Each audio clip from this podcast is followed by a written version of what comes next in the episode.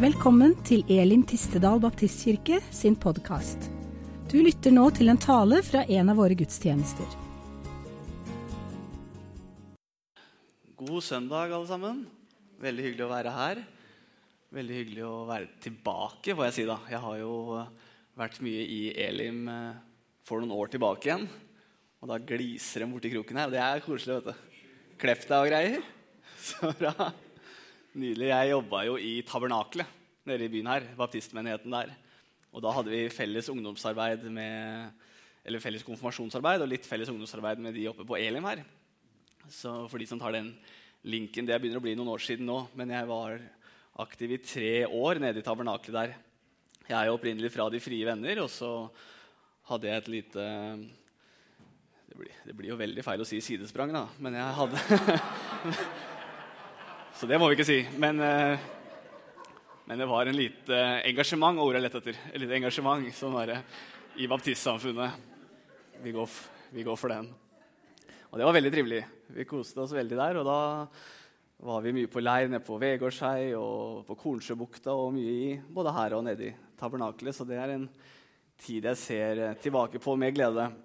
Så da var eh, Thomas eh, som sitter bak der, han var ungdomspastor. Jeg var barne- og ungdomsarbeider, da, så det var han veldig nøye på å minne meg på til stadighet. At uh, hvis jeg trengte noe støtte, så var det bare å komme til ungdomspastoren. Da, for, det, for det var ikke jeg. Så, det, så den, den arbeidstittelen der den kommer jeg ikke til å glemme med det første. Det, så, men jeg slutta frivillig. altså Det var ikke noe mobbing på arbeidsplassen. og den type ting. Så det, så det var en veldig fin tid. Så jeg ser, ser som sagt med, tilbake på det med stor, stor, glede. Så det er moro å stå, å stå her igjen. Og så fikk jeg eh, ja, tilbud om en uh, ny jobb i Ordet og Israel, som det ble nevnt uh, i starten her. Så jeg jobber der som daglig leder i dag og er mye rundt og forkynner Guds ord og mye annet som ikke syns så godt, og det setter jeg veldig stor pris på. Så vi bodde jo i Hallen. Jeg gifta meg med Lise mens jeg bodde her. Så jeg fant en veldig flott kone fra Fredrikstad. Det var jo en jeg husker om dere husker det, det var en sak i Dagen eller Vårt Land for en del år siden der noen klaga på at uh, forkynnere og pastorer sånn, skrøt av konene sine fra Altså ikke konen i flertall, men altså kona, kona si Kona si, sorry, i, i flertall. Nei, nei i entall. Kona, nei. det var ikke med. Og Vebjørn Selbekk som mente at eh, man, eh, han kunne forsvare ut fra Bibelen at eh, man kunne ikke ha flere koner, for det er ingen mann kan tjene to herrer. Sånn. Så, det, så, du kan bare ha én. Men vi gifta oss i, i, i Fredrikstad, hvor hun er fra. Så bodde vi her et par måneder. Og selv om noen mente han ikke skulle skryte av de, så, så gjør jeg det. da. Hun er en fantastisk flott kone, så hun jeg si hun anbefaler jeg på det varmeste. Det, det gjør med, det gjør vi med ting vi er glad i. Så, så hun, er, hun er alle tiders. Og så har vi fått sønnen vår Silas. Han er drøyt ett år gammel nå. Og broren hans skal ikke hete Paulus, for dere som lurer på det. Men vi finner nok på noe hvis vi blir velsigna med en til. Og, så det er to ord, to ord om meg da, og hvem jeg er, og hva jeg holder på med. Og så har jeg blitt spurt av Markus i dag om å si noe om eh, Israels plass i frelseshistorien, eller Israels plass i Bibelen. var det jeg ble utfordra på. Det er jo et veldig spennende tema, og det er noe jeg løfter fram fra tid til annen. Og det er veldig flott å kunne gjøre det på et søndags formiddagsmøte i en, i en vanlig baptistmenighet. Og, og jeg, jeg syns ikke det er direkte unaturlig heller, hvis, det, hvis, jeg kan få lov til å skyte inn det. Så jeg er veldig glad for den muligheten. Og, og der er det jo veldig mye å ta av.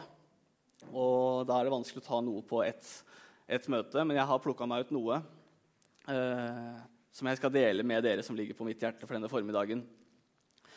Eh, på min bibel så står det Guds ord på, på, forsiden. Og det gjør meg ydmyk når jeg åpner den. Det står ikke Guds ord når man kommer til Det nye testamentet, men det står Guds ord på starten. Og det tror jeg er ganske viktig, fordi vi har en hel bibel som henger sammen. Og vi har en vi trenger en hel bibel for å forkynne et helt evangelium om, om, hvem Jesus er, og hvorfor vi trenger en frelse. Det nye testamentet, der er jo Jesus på banen, og vi møter han som menneske. Og, og så er det jo sånn at Hvis du bare har Det gamle testamentet så har du jo i praksis jødedom, ikke sant? og det fører deg ikke hjem til himmelen. Men hvis du bare har Det nye testamentet, så har du egentlig ikke kristendom. Fordi at I Det nye testamentet så møter du han som er svaret på det problemet vi har som menneskeslekt. Jesus Kristus han er løsningen vår. Han har frelst oss. Og Da er det fristende å spørre fra hva da? Og til hva, og hvorfor har han gjort det? Og Svaret på det finner vi i Det gamle testamentet. Så når jeg åpner min bibel, og så kan jeg starte med å lese I begynnelsen skapte Gud himmelen og jorden. Og Det gjorde han i begynnelsen. Og Hvis det ikke var begynnelsen, så, så hadde det ikke vært begynnelsen. Sant? Men han gjorde det i begynnelsen, og så skapte han overmåte godt, står det. Skapte perfekt. Et paradis på jord. Han skapte overmåte godt, som Bibelen sier det. Og så levde alt i harmoni med hverandre, og skaperverket var slik Gud hadde tenkt det fra begynnelsen av. Og det er egentlig slående likt det vi møter i slutten av åpenbaringsboka. Det får vi ta en annen gang, men det er likhetstrekk. Men det var Guds tanke fra begynnelsen av, og så skjedde det noe i forholdet mellom mennesker og Gud, og det kaller vi for syndefallet nå i etterkant. Når menneskene var ulydige mot Gud, så skjedde det noe. Og det er en hendelse som påvirker deg og meg i dag. I, i stor grad, men vi er ikke så veldig klar over det. Det er, ble nevnt i innledninga at at vi går med klær i dag, og det er jo en av grunnene til det. ikke sant? Og det er jo derfor veldig mange av oss har jobber, fordi at ting går nedover. Det går ikke oppover med ting her i verden. Så skjedde det noe mellom, mellom mennesker og Gud, eller mellom skaperen og skapningen, om du vil. Det kom et skille. Det gode fra begynnelsen av, der kom det et brudd inn. Og så har det påvirket historien opp igjennom, og det skjedde, med, det skjedde noe med forholdet mellom Gud og mennesker. Og så skjedde det noe mellom forholdet oss imellom som mennesker. Og så skjedde det noe med skaperverket. Paulus han sier det til oss i romerbrevet at skapningen ble underlagt forgjengelighet. Ikke frivillig, men pga. han som la den under forgjengelighet, men med håp. Det er Guds nåde, det også, at da synd og død og elendighet kom inn i verden, så la Gud skaperverket under forgjengelighet, sånn at vi skal slippe å leve i dette forgjengelige skaperverket for all fremtid. Vi skal inn i det som Gud hadde i tanken for oss fra starten av. En gang der fremme. Så vi som kristne vi har ikke en blind tro på fremtiden vår hvis vi tar Bibelen for det den er fra starten av. For da ser vi Guds tanke i begynnelsen, og så er det vi mennesker som egentlig har ødelagt det. Og så har Gud tatt initiativ til å rette opp i det som gikk galt. Og så har vi et fremtidshåp der fremme. Og det er godt å hvile i, og det er trygt og godt. Og Så forteller Bibelen hva som skjedde, og så tar Paulus opp den tråden igjen i sine brever. Han tar det opp i Korinterbrevet, han tar det opp i Romerbrevet. Så sier Paulus at det, synd kom inn i verden ved ett menneske, sier. Og så kom døden ved synden. Og så har døden slik trengt seg inn til oss alle fordi vi alle syndet. Og I starten så sier Bibelen at Gud han formet mennesket av jordens støv, og så blåste han livets ånde inn i mennesket, og så ble det en levende sjel. Det er deg og meg. Der har du din verdi. Alt vi som kristne tror på, alt det vi står for, det har vi i bunn og grunn fra første Mosebok. Det blir bekrefta i Det nye testamentet, men vi har det fra første Mosebok. At du har en verdi Første Mosebok at du er skapt i Guds bilde. Første Mosebok at Gud har skapt verden og er skaperen. Første Mosebok. Og alt det som ikke er så populært. At vi er skapt til å leve sammen som mann og kvinne. For eksempel. Første Mosebok. Det kommer der, og så er det bekrefta senere. Og Så blåste Gud livets ånde inn i mennesket, og så ble det en levende sjel.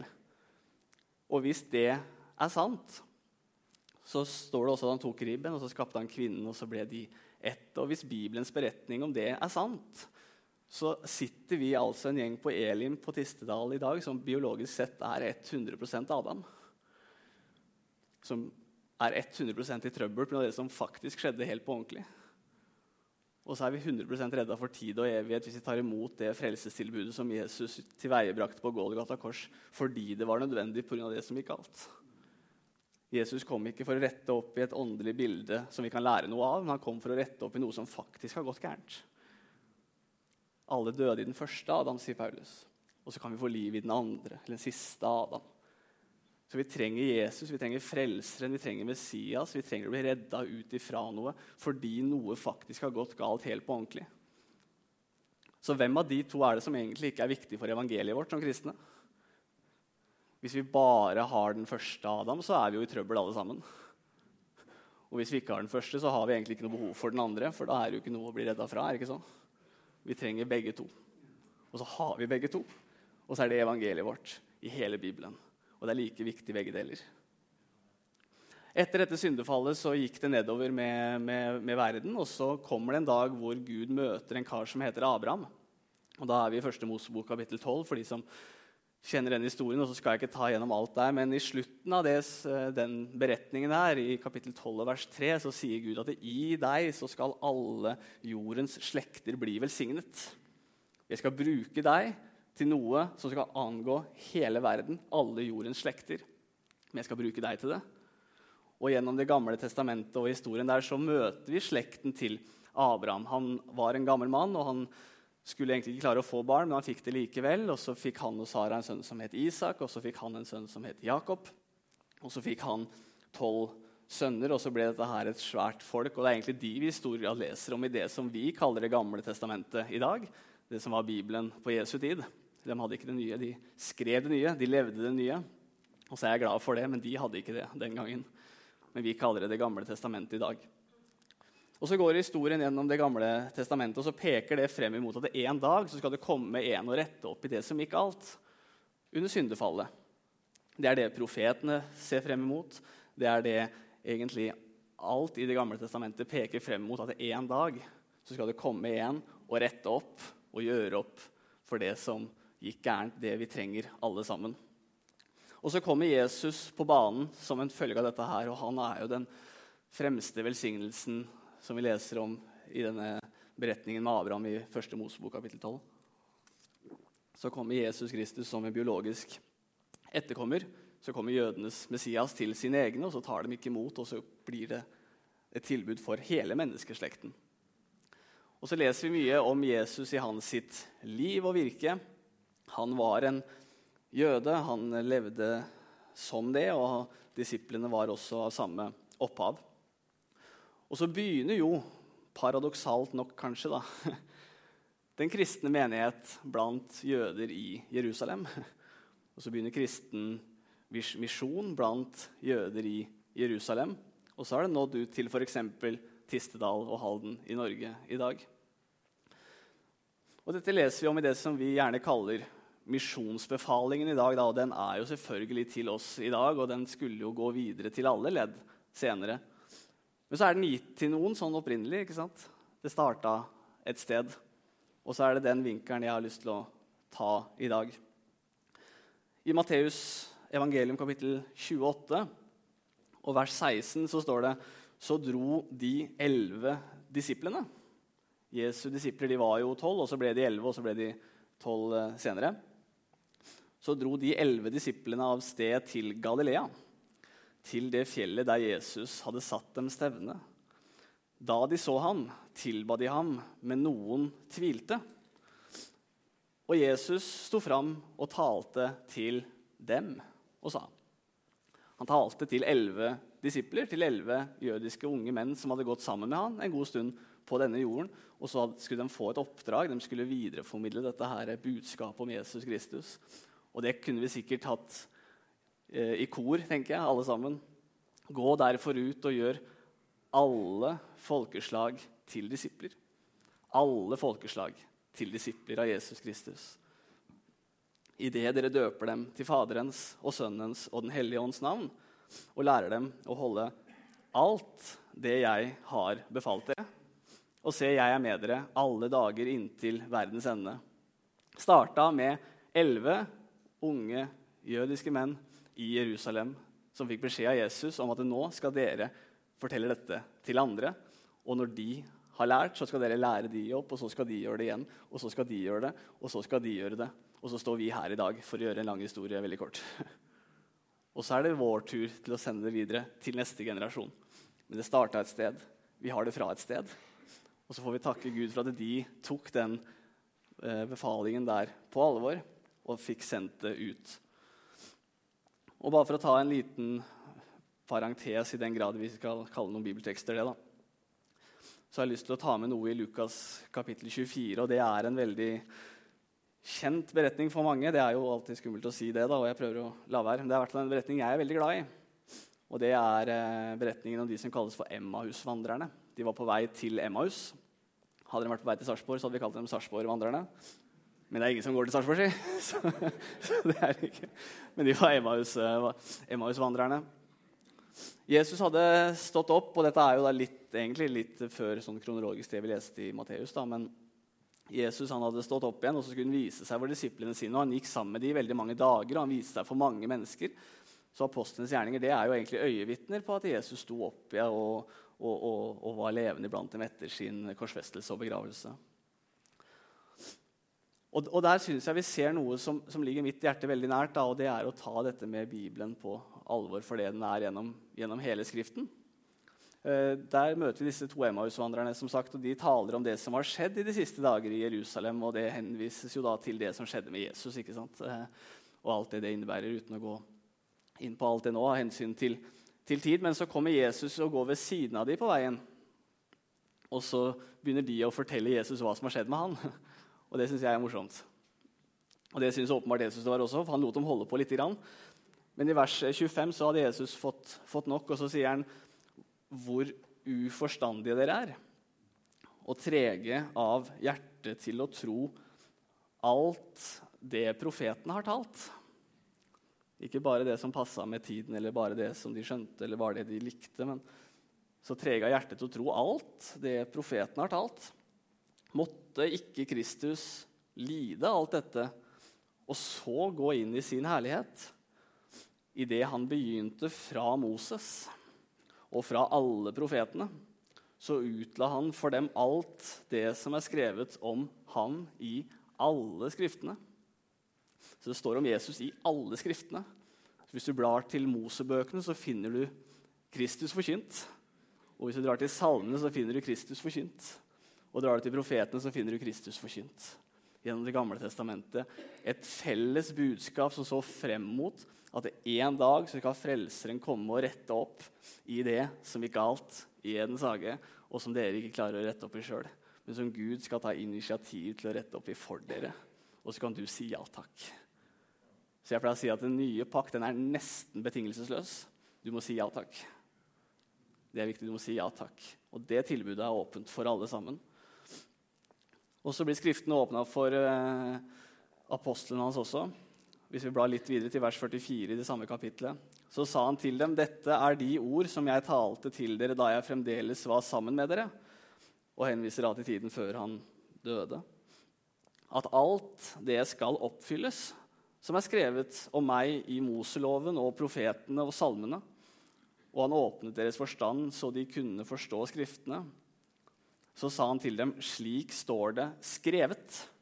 Og derfor var det nødvendig at Kristus måtte lide og oppstå fra de døde den tredje dagen.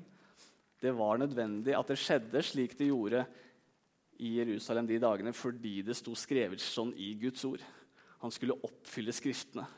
Han skulle oppfylle det skrevne Guds ord gjennom flere hundre år, det vi samla kaller Det gamle testamentet. Det måtte skje slik det gjorde fordi det sto skrevet sånn. Guds ord skulle oppfylles. Og de profetiene om Jesus de er detaljerte. Og det er mye eh, holdt på å si unødvendig detaljert, men det, det var for at det skulle, skulle se hvem det var. Og så måtte det skje på den måten for at det skulle bli oppfylt. Og så blir det oppfylt, og så starter den kristne menigheten i Jerusalem blant det jødiske folket. Og så hopper vi til apostlenes gjerninger, som vi kaller det. da. Det kunne jo hett Den hellige ånds gjerninger, men det blei apostlenes gjerninger, og så skjønner vi tegninga alle sammen likevel. Og så står det i kapittel 1 og vers 8 et interessant vers der. Så sier Jesus til dem før sin himmelfart Så sier han, men dere skal få kraft. Han snakker fortsatt med apostlene sine. Dere skal få kraft når hva da? Når Den hellige ånd kommer over dere, og så skal dere være vitner om meg. Og hvor da? De skal være vitner om meg i Jerusalem. Der begynte det, og Hvis du leser apostlenes gjerninger, så er det der de første kapitlene finner sted. Og Det er ikke så veldig naturlig, og du trenger ikke å legge så veldig mye i det, men det er fordi at det var der de var, og da er det praktisk å begynne der. Hadde det skjedd her i Halden, så hadde vi sannsynligvis begynt i Halden. Nå skjedde det i Jerusalem, så det begynte der. De første kapitlene i Apostlenes gjerninger er derfra. Og i Judea og Samaria der de utvida det litt. Og leser vi et par kapitler i Apostlenes gjerninger, så, så, møter vi beretningene der Philip og den etiopiske hoffmannen blant annet, skjer i de områdene her. Og så står det en ting til å like til jordens ende, eller til verdens ende. Det skal nå ut overalt. Så dere skal begynne der, og så skal dere fortsette og fortsette og fortsette. Og fortsette. Og så skal det nå ut. Og så nådde det ut. Og så nådde det ut til det som i Bibelen blir kalt for hedningefolkene, eller hedningene. Og i Bibelen så deler man det opp i to folkegrupper på den tiden. her. Det var jøder, og så var det ikke-jøder. Og hvis du ikke var jøde, så var du hedning. Så var jøder eller hedninger, og så begynte det hos jødene, og så skulle det nå ut til alle folkeslag. Det skulle nå ut til hedningene. Og det ser vi at det gjorde. Og da er vi i Apostelens gjerninger kapittel 10, og da er Peter på besøk hos en kar som heter Kornelius, som har fått et syn. Det står at han var en gudfryktig mann, han ønsket å møte Gud. Og for Peter, som var han var eh, kristen, som vi ville kalt det i dag, men han var av jødisk slekt. Og for han så var det ganske uaktuelt å dra til ikke-jøder og være sammen med de. Det var rett og slett urent, og det var ikke greit. Men så blir Peter overbevist i et syn fra Herren om at han skal dra til denne Kornelius og møte han. Og Peter han stritter veldig imot. og Vi tar ikke hele den beretningen nå, men du kan lese den i Apostlenes gjerning i kapittel 10. Han stritter imot, men han gir seg til slutt, og så drar han til denne Kornelius og møter han og så blir det et husmøte i menigheten til Kornelius der. Og så skal vi lese noe om det, og da er vi i Apostlenes gjerninger kapittel 10 og vers 34. Da har Peter blitt overbevist om å bli med, og så er vi på plass hos Kornelius. Da åpnet Peter sin munn og sa, 'I sannhet skjønner jeg at Gud ikke gjør forskjell på folk.' Og det gjør han ikke, men vi er utstyrt med ulike gaver og vi er utstyrt med ulike oppdrag. Han gjør ikke forskjell på folk. Selv om jeg står og preker, så sitter gutta boys bak og tar teknikken, og så står det noen andre og synger og spiller piano. Han gjør ikke forskjell på oss, men vi har ulike oppgaver. Og så skal vi være veldig glad for at ikke jeg står og spiller piano her, eller står og synger her. Og så kan noen si at du burde ikke preka heller, men det kan vi ta et, etter møtet. men det er i hvert fall det jeg blir spurt om i dag. Og så har vi ulike oppgaver, og så gjør ikke Gud forskjell på folk, men vi utfyller hverandre. Og så tror jeg at dette israelsfolket har fått et oppdrag. Så sier han, men i hvert folkeslag blir hver den som frykter ham og gjør rettferdighet, tatt imot av ham. Evangeliet om Jesus det skulle ut til alle folkeslag, og alle som tok imot, skulle bli rettferdiggjort. Vi sang i starten her 'ikledd hans rettferdighet'. Og det syns jeg er helt nydelig å kunne synge. Jeg er ikledd rettferdighet fordi jeg takka ja til Jesus. Ikke fordi jeg har klart det sjøl, ikke fordi jeg kommer til å klare det sjøl, ikke fordi jeg er flink nok til noen ting, men fordi jeg har ikledd meg hans rettferdighet. Jeg har takka ja til det Jesus gjorde på Golgata kors av det som ikke alt i Edens hage så har jeg ikledd meg hans rettferdighet. Og nå skulle dette ut til alle folk, og alle som tok imot og sa ja takk til dette tilbudet om frelse, skulle få lov til å bli inkludert i Guds familie. Og det trengte disiplene til Jesus å overbevises om. Har du tenkt på det? I vår del av verden så er det kanskje pendelen har snudd litt, at vi må overbevises om at dette her kan gjelde jødene også. Men på den tiden så måtte de overbevises om at vet du hva, hedningene kan også bli frelst. Så det har skjedd et eller annet på veien. Hvis du leser gjennom apostlenes gjerninger, så måtte de overbevise. så Vi skal se på noe av det. Men i hvert folkeslag blir hver den som frykter ham og gjør rettferdighet, tatt imot av ham. Ordet som Gud sendte til Israels barn for å forkynne fred ved Jesus Kristus, det ble sendt et sted. Han er alles herre. Så han ble sendt til noen. Han levde et sted, og så skulle han bli alles herre gjennom det han gjorde. Det ordet kjenner dere. Dette ordet nådde utover hele Judea. Det begynte fra Galilea etter den dåpen Johannes forkynte. Hvordan Gud salvet Jesus fra Nasaret med Den hellige ånd og kraft. Han som gikk omkring og gjorde godt og helbredet alle som var undertrykt av djevelen, for Gud var med ham. Og vi er vitner om alt han gjorde, både i jødenes land og i Jerusalem, han som de drepte ved å henge på et tre. Han oppreiste Gud på den tredje dag og lot han vise seg åpenlyst. Og Det skriver Paulus om i 1. Korinterbrev kapittel 15, et av de mektigste kapitlene i Bibelen, spør du meg. Kristus han døde og oppsto etter Skriftene. Han gjorde det oppdraget han gjorde etter Skriftene. Han oppfylte Guds ord. Det skjedde på den måten det skulle, som vi var innom i stad. Og han påla oss å forkynne for folket og vitne at det er han som av Gud er bestemt til å være dommer over levende og døde. Om ham vitner alle profetene. Og hver den som tror på ham, skal få syndenes tilgivelse ved hans navn. Det er evangeliet vårt. Alle profetene vitner om det. Hele Det gamle testamentet forteller at det nå kommer det en kar for å rette opp i det som ikke er alt. Det er klart Det gamle testamentet er viktig. Den som tror på ham, skal få syndenes tilgivelse. Den som tror på ham, hører du det?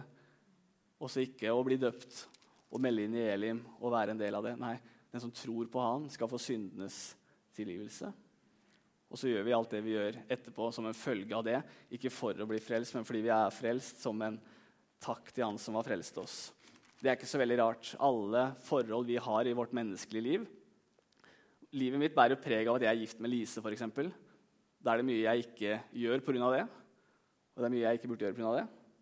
Og det er ikke fordi at jeg står opp og bare ah, flaten, altså, I dag så kan jeg ikke dra ut på byen med ei anna jente fordi jeg er gift med Lise. Det, filleren, det hadde vært moro, liksom. Nei, men det, er jo helt naturlig at jeg ikke har lyst til det. Jeg er pappa til en gutt på et år. Det preger livet mitt. Det gjør at jeg kommer til å kjøre hjem etter dette møtet her. Jeg kommer ikke til å kjøre til Gøteborg og ta en dag fri og finne på noe kult. Jeg kommer til å dra hjem til han. Ja, men det er helt naturlig, ikke sant? Og det er ikke sånn herre ah, filler'n, altså, nå må jeg hjem til han. Ja, det gjør jo ikke det. Åh, nå er det jul, nå må jeg hjem til mamma og pappa igjen. liksom.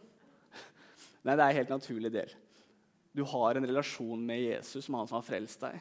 Det er helt naturlig at det preger livet ditt i større eller mindre grad. Det er helt naturlig for meg å åpne Bibelen min og lese. Det er helt naturlig for meg å ta en stille stund med Herren og be og være sammen med Han. Ikke fordi at det, åh, stemmer det, jeg er kristen og klokka er to. nå må jeg liksom. Nei, men fordi at vi har en relasjon ikke sant? som vi har i, vår, i våre relasjoner. Er det ikke det? Det skulle bare mangle.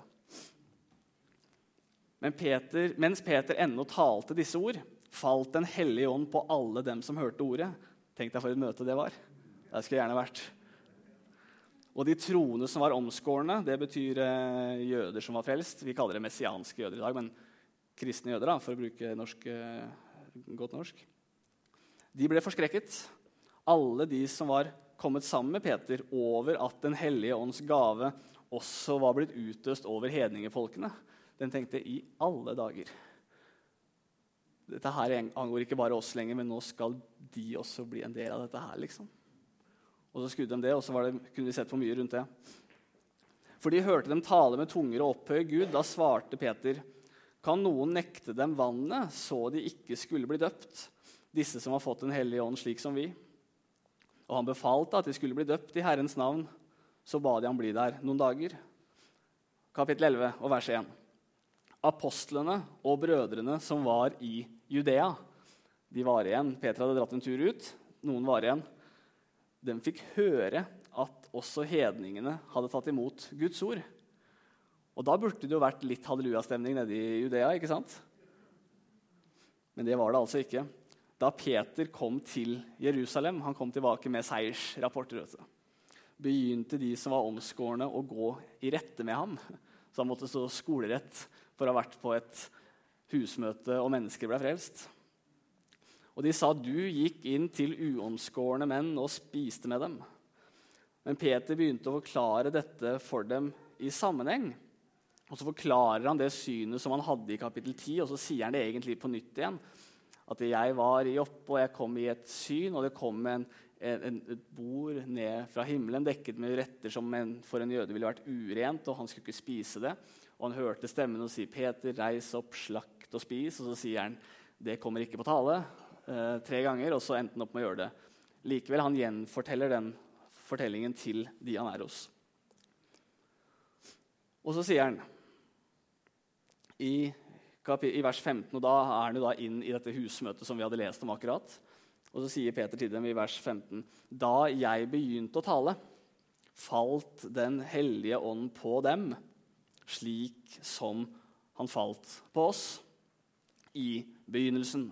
Det som skjedde med oss på pinsefestens dag i Jerusalem, det skjedde på et husmøte hos Kornelius blant hedninger. Hva i all verden skulle jeg gjøre, liksom? Det er det Gud har noe på ferde. Da husket jeg Herrens ord, sa han, hvordan han sa Johannes døpte med vann, men dere skal bli døpt med Den hellige ånd. Apostlenes gjerninger 1.5. Hvis altså Gud ga dem den samme gaven som han hadde gitt oss da vi kom til tro på Herren Jesus Kristus, hvem var da jeg at jeg skulle stå imot Gud? Hvordan kunne jeg nekte dem dette her, liksom? Nå har Gud gjort det samme med folkeslagene som han gjorde med oss. De burde skjønt tegninga fortere, men de trengte å få det inn med teskje. Vers 18. Da de hørte dette, ble de stille, og de æret Gud og sa, så har altså Gud også gitt hedningefolkene omvendelse til livet. Og så kan du nærmest høre ekkoet fra første Mosebok kapittel 12, som da er 2000 år unna på den tiden. Fire i dag. Når Gud møter Abraham og sier at i deg og i din slekt så skal all verdens folk bli velsignet, eller alle jordens slekter bli velsignet. Og så går vi 2000 år fram i historien, og så står Peter skolerett i Jerusalem etter et husmøte blant hedninger, og så sier han at dette har vært planen hele veien. Så har altså Gud også gitt hedningefolkene omvendelse til livet. Og det er essensen med israelsfolket. Noe av det også ligger noe foran om, det får vi ta en annen gang. Men det er noe av essensen. At du og jeg skal kunne bli frelst. At frelsens budskap skal være åpen for alle mennesker, for en hel klode.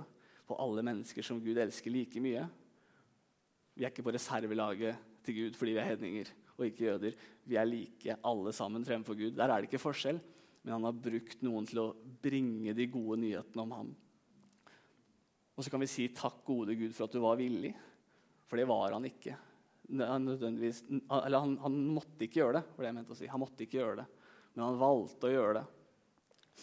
Og så ser vi bildet hvis vi blar som en oppsummering tilbake til første Mosebok kapittel 1. Og det er derfor jeg mener at hele Bibelen er viktig.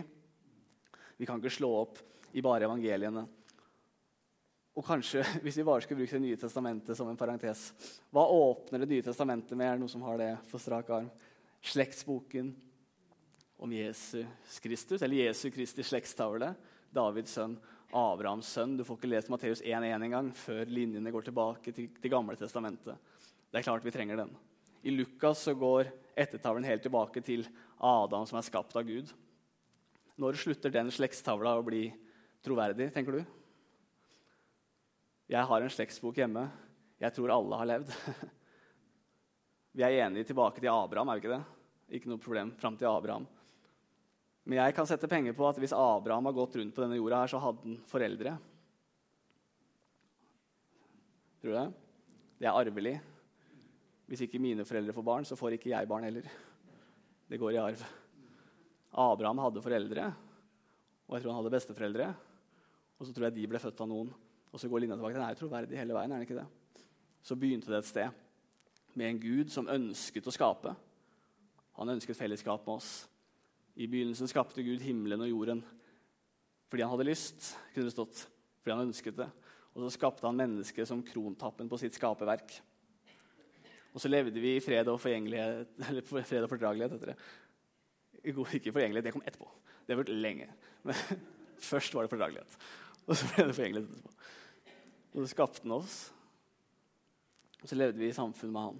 Og så kom det inn et syndefall. Menneskene gjorde opprør imot Gud. Og så falt det sammen fordi en hellig og ren Gud ikke tåler synd og elendighet i sin nærhet. Og så tok Gud initiativ til å rette opp i dette her fordi vi ikke klarer det sjøl. Og så sier han til Abraham, 'Deg skal jeg bruke til det.' Enten du liker det eller ikke. Han skulle bruke Abraham til det. Og hans slekt. Og så følger vi dem gjennom. Og så kommer Jesus Kristus som en biologisk etterkommer for 2000 år siden og retter opp i det som gikk galt, og sier at nå er det fullbrakt. Hva var det som var fullbrakt? Det som gikk galt. Det som gikk galt på ordentlig. Så måtte Jesus rette opp på ordentlig.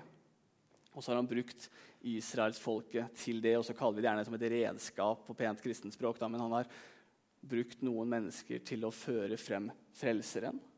De har skrevet Bibelen til oss. Gudstjenesten tilhører dem, skriver til og med Paulus. Så mye er vi prega av det. Så vi er samla i en forsamling nå som Gud egentlig har gitt til dem. Og så vi, leser vi fra en bok som er skrevet av dem, og så er vi samlet om han som kalles jødenes Messias. Det, er en del av oss, og så skal vi ikke gjøre det til mer enn det det er. Men jeg tror vi må ha det som en del av det, av evangeliet vårt. det skal være en naturlig del av vårt gudstjenesteliv, tror jeg. Og så skal det ikke bli for mye av det. Det er en grøft på begge sider. er Det ikke det? Det var en som sa det at det er noen mennesker som bare er midt på veien en gang i livet, og det er på vei fra den ene grøfta til den andre. Men, så vi må passe oss på å holde oss på, på, veien her. Men jeg tror det er en del av oss, og det er vanskelig å komme utenom det. Og så må vi takke Gud for at han var villig til å finne en vei tilbake til ham. Og så er det én vei til Gud for alle mennesker, og jeg skal avslutte med det, og det leser vi om i Romerbrevet, kapittel 10, det også. Og det gjelder deg som er i salen her og ikke har tatt imot Jesus som din herre og frelser ennå. Dersom du ved din munn bekjenner og i ditt hjerte tror at Gud har oppreist han ifra de døde, så skal du bli frelst. Og det gjelder for nordmenn, det gjelder for tyskere, det gjelder for amerikanere, det gjelder for jøder. Uansett hvem du er, så er det én vei til Gud, og det er gjennom Han som har tilveiebrakt frelsen. Han som ble sendt i Guds sted, han som var Gud i menneskets skikkelse. Det er veien tilbake til Gud. Og så ble han sendt fra noen, og så henger det sammen. Men det er én vei til, til, tilbake til Gud, og det må du ta ditt eget valg på. Det kan ikke mamma og pappa ta, det kan ikke jeg ta. Det får du ikke av å gå i Elim. Det må du ta sjøl. Du må tro i ditt hjerte at Gud han har oppreist ham fra de døde. Og så bekjenner du med din munn at han er Herre, og da skal du bli frelst.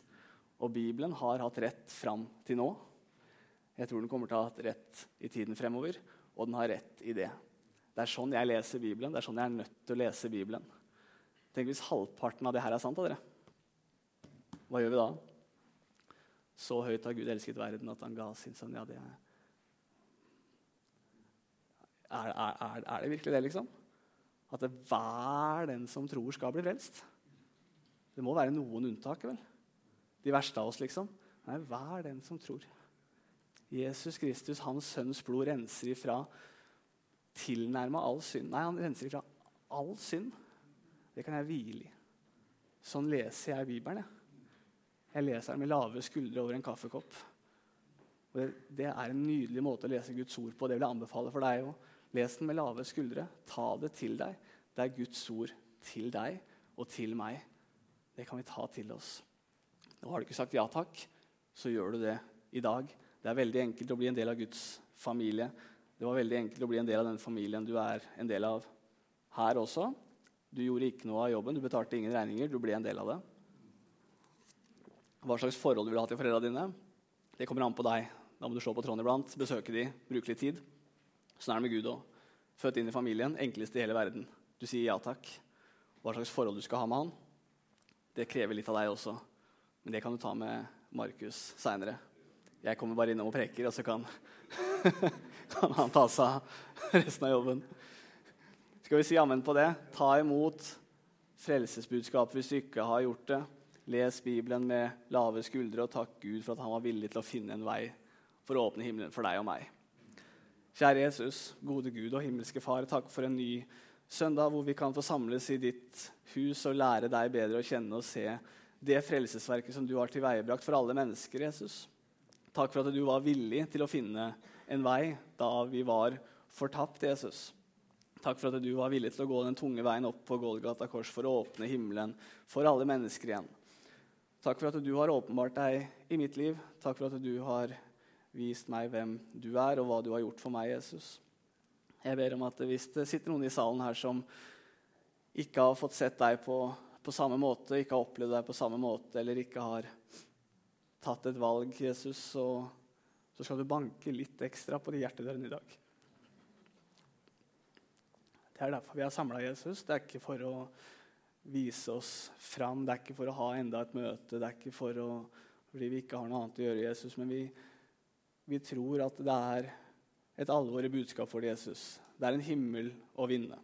Det er en fortapelse å unnfly. Vi ønsker å ha med oss flest mulig hjem til deg, Jesus, når du kommer for å hente oss hjem. Bank litt ekstra på de hjertedørene du ser at det trengs i formiddag, Jesus. Og så kan dette bli en dag hvor Guds store familie blir enda litt større. Takk for møtet. Takk for anledningen. Amen.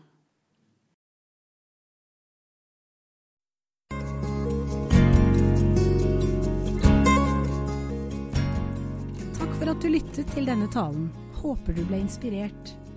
Ønsker du å vite mer om hvem vi er og hva vi gjør? Sjekk ut vår hjemmeside elintistedal.no.